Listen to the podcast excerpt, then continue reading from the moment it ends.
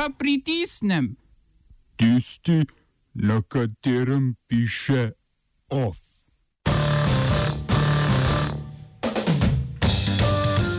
Evropska unija bo Italijo oglobila zaradi prevelikega proračunskega presežka.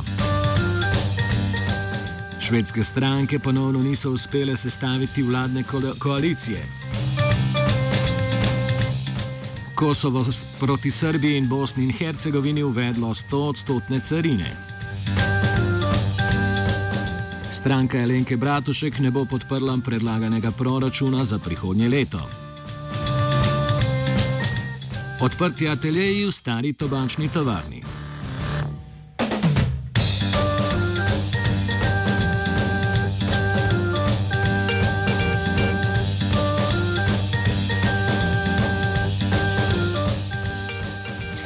Evropska komisija je po opozorilih tudi uradno še drugič zavrnila italijanski proračun. Po prvi zavrnitvi je italijanska vlada ponovno predlagala proračun za prihodnje leto v nespremenjeni obliki s predvidenim proračunskim primankljajem 2,4 odstotka. Evropska komisija je tiho upala, da bo sta burna reakcija finančnih trgov in močno povečevanje cene italijanskega zadolževanja prisilila Rim v večjo poslušnost, kar pa se ni zgodilo. Evropski komisar za gospodarstvo in finance Pierre Moscovici je zato napovedal začetek postopka zaradi presežnega primankljaja, ki, bo, ki bi Italiji nakopal globo v višini do nič celih sedem odstotka bruto domačega proizvoda ali okoli 13,4 milijarde evrov. Podpredsednik vlade in vodja lige Matteo Salvini je že napovedal, da italijanska vlada ne misli popuščati. Političnih razlogov za popuščanje v pogajanjih z Brusljem v Rimu ni. Odkar se je začel spor z Brusljem zaradi proračuna, je obema koalicijskima partnericama v italijanski vladi, gibanju petih zvest in ligi popularnost narasla.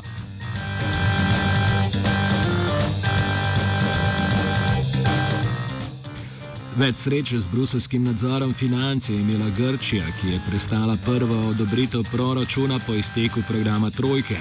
Grčija se še naprej nahaja v programu podrobnega nadzora. Evropska komisija je med drugim zahtevala pospešitev reform na področju delovne zakonodaje, reforme bank in privatizacije. Zaradi prepočasne privatizacije Grčiji grozi tudi, da ji ne bodo dobi, izplačani dobički Evropske centralne banke. Grčiji namreč pripada okoli 5 milijard evrov, ki jih je banka zaslužila z grškimi obveznicami.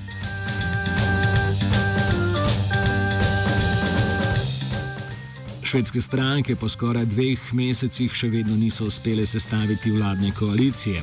Ani Luf, eh, voditeljica stranke Center, je namreč sporočila, da ji ni uspelo sestaviti koalicije s socialdemokrati. Luf je že tretja kandidatka, ki je morala vrniti mandat za sestavo vlade. Švedska ustava ne predvideva roka, v katerem mora biti sestavljena vlada, o prihodnjih korakih pa bo sedaj odločal predsednik parlamenta. Največ sedežev v parlamentu ima zavezništvo štirih liberalnih in konzervativnih strank, ki pa same ne morejo sestaviti vlade. Največja posamična stranka je še vedno trenutno vladajoča socialdemokratska stranka. Glavna ovira za sestavo koalicije je dejstvo, da so več sedežev osvojili poslanci desno-populistične stranke Švedski demokrati, z njimi pa so v koalicijo pripravljeni stopiti samo uh, liberalci in stranka Center.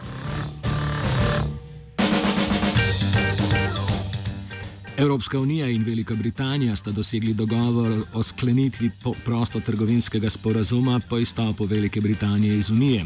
Dogovor predvideva minimalne ovire pri medsebojnem trgovanju. Sklenitev prostotrgovinskega sporazuma je predvidena tudi v dogovoru o izstopu Velike Britanije iz EU, ki je bil sprejet prejšnji teden, o njem pa bodo to nedeljo glasovali voditelji Evropske unije na posebnem vrhu. Brez sklenitve tega sporazuma bo Velika Britanija do nadaljnega ostala del skupnega trga Evropske unije.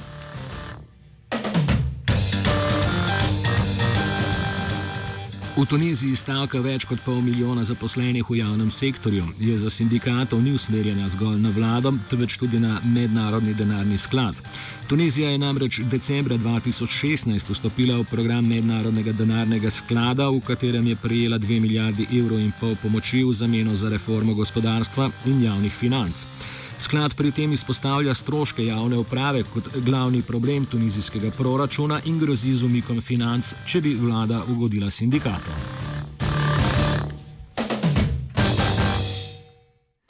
Selimo se v Indijo. V Mumbaju so potekali množični protesti kmetov, ki zahtevajo odložitev plačila dolgov in obljubljeno zemljiško reformo.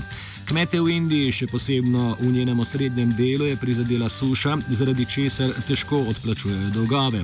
Zahtevajo tudi prepis zemljišč, ki so sicer v javni lasti, a na njih eh, posamezne družine kmetujejo že več desetletij. Marca letos je 40 tisoč kmetov iz oddaljene regije Maharaštra protestno odkorakalo v Mumbai, kjer so zahtevali izboljšanje delovnih razmer. Protestnemu pohodu pa je sledilo še več večjih protestov indijskih kmetov. Kmetje so tvorili glavno bazo podpore indijskega premijeja Nerendre Modija, ko je ta prevzel položaj leta 2014. Njihovo podporo pa bo potreboval tudi na volitvah prihodnjo pomlad, če želi ostati na oblasti.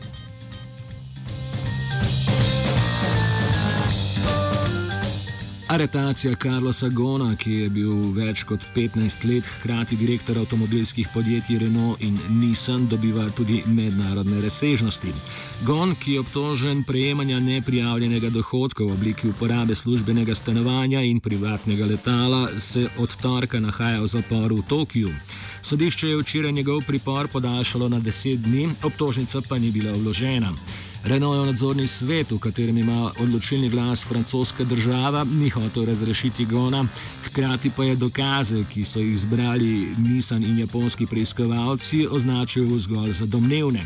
Nadzorni svet Nissana je Gona danes odstavil, hkrati pa bodo predlagali spremembe v odnosu med obema podjetjema. Čeprav je Nissan precej večje podjetje, zavezništvo obvladuje Renault, ki ima v Nissanu skoraj polovični de lasniški delež, Nissan v Renaultu pa zgolj 15 odstotnega. V Tokiu so bili zaradi svojega podrejenega položaja že dlje časa nezadovoljni, nasprotovali pa so tudi združitvi podjetij, ki jo je želel GOM.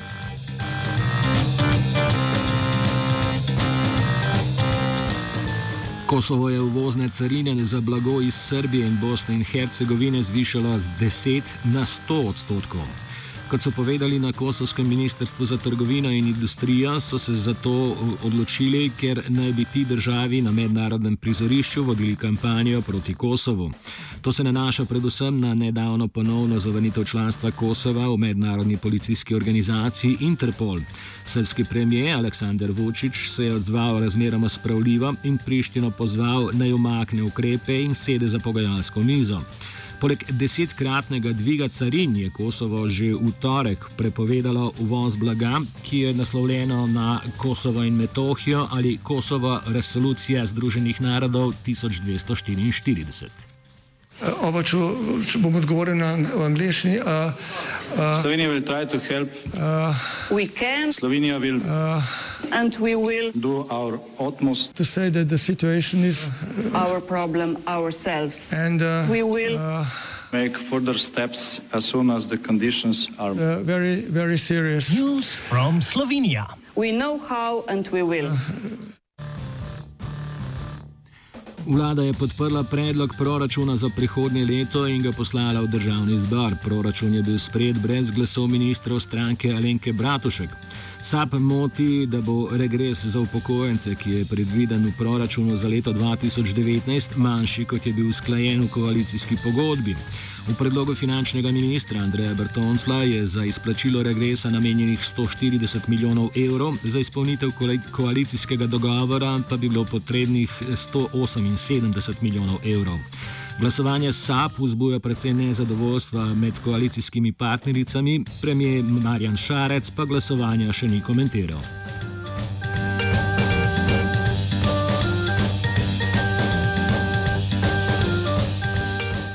OF je pripravil Gal.